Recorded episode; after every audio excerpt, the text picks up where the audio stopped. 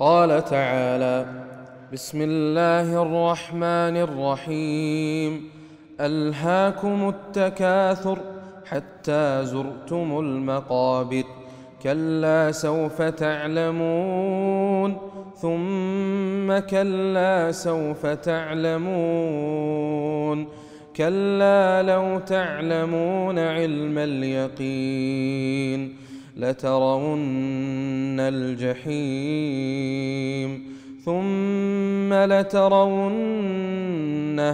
عين اليقين ثم لتسألن يومئذ عن النعيم. بسم الله الرحمن الرحيم. ألهاكم التكاثر أي غيب عنكم الذي يجب عليكم. من شدة اهتمامكم بهذا التكاثر. تكاثر الأموال تكاثر الأولاد.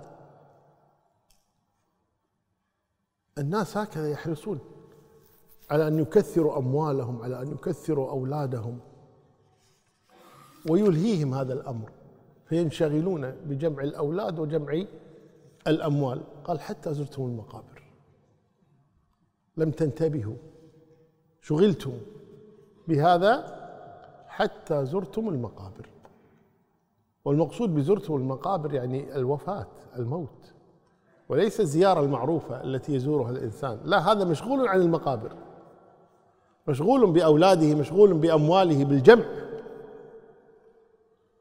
حتى زار المقبرة ميتا مدفونا. قال أهل العلم وقال زرتم المقابر دليل على أنه سيخرجون من هذه المقابر لأن الزائر لا بد له أن يخرج يوما ما. لا بد أن يخرج الزائر لا يبقى دائما. حتى زرتم المقابر كلا سوف تعلمون.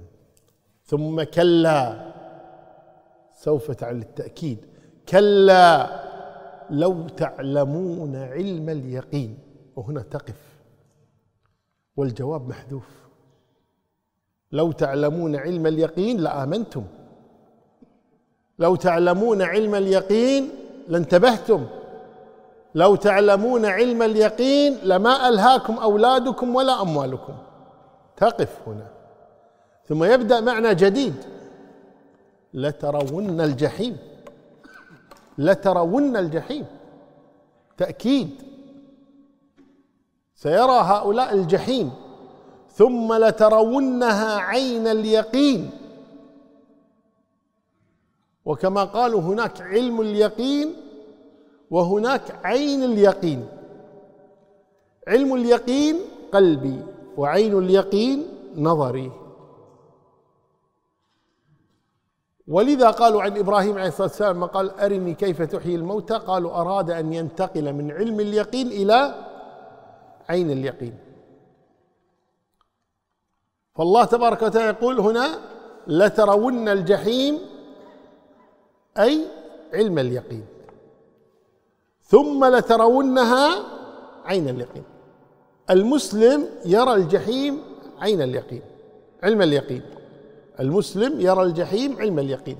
فيعرف أن هناك نار جهنم وأن فيها كذا وكذا وعذاب ومخلد. فهذا يدفعه إلى أن يبذل الأسباب حتى لا يدخلها. لكن الكافر سيرى جهنم عين اليقين لأنه سيدخلها.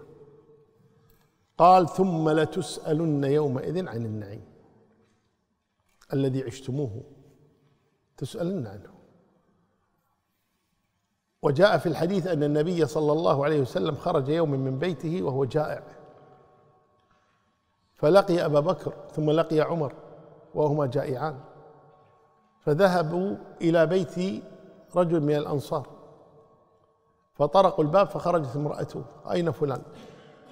قال ذهب يحتلب لنا فضيفتهم أدخلتهم البيت فجاء زوجها فقال ما على وجه الأرض أكرم أضيافا مني؟ أبد على وجه الأرض كلها ما في أحد عنده ضيوف مثلي.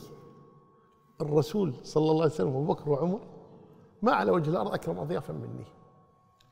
ثم أتاهم بالعثق فيه تمر ورطب وبسر يعني خلال فقدمه لهم ثم أتاهم باللبن ثم أخذ السكين ليذبح لهم نعجة. فقال النبي صلى الله عليه وسلم إياك وكريم مالك. يعني اذبح شيء يسير يعني صغيرة أو كذا. فذهب وذبح لهم ثم قدم لهم صلى الله عليه وسلم وأصحابه. فلما أكل النبي صلى الله عليه وسلم وشبع وكل أصحابه معه قال ثم لتسألن يومئذ عن النعيم. يعني هذا النعيم ستسألون عنه. وهو شنو؟ ماء ورطب وشات قدمت لهم. وشوف البوفيهات الآن الناس وكذا يسهرون الناس ولا يعتبرون. أسأل الله تبارك وتعالى أن يوفقنا ويحب ويرضى. نعم.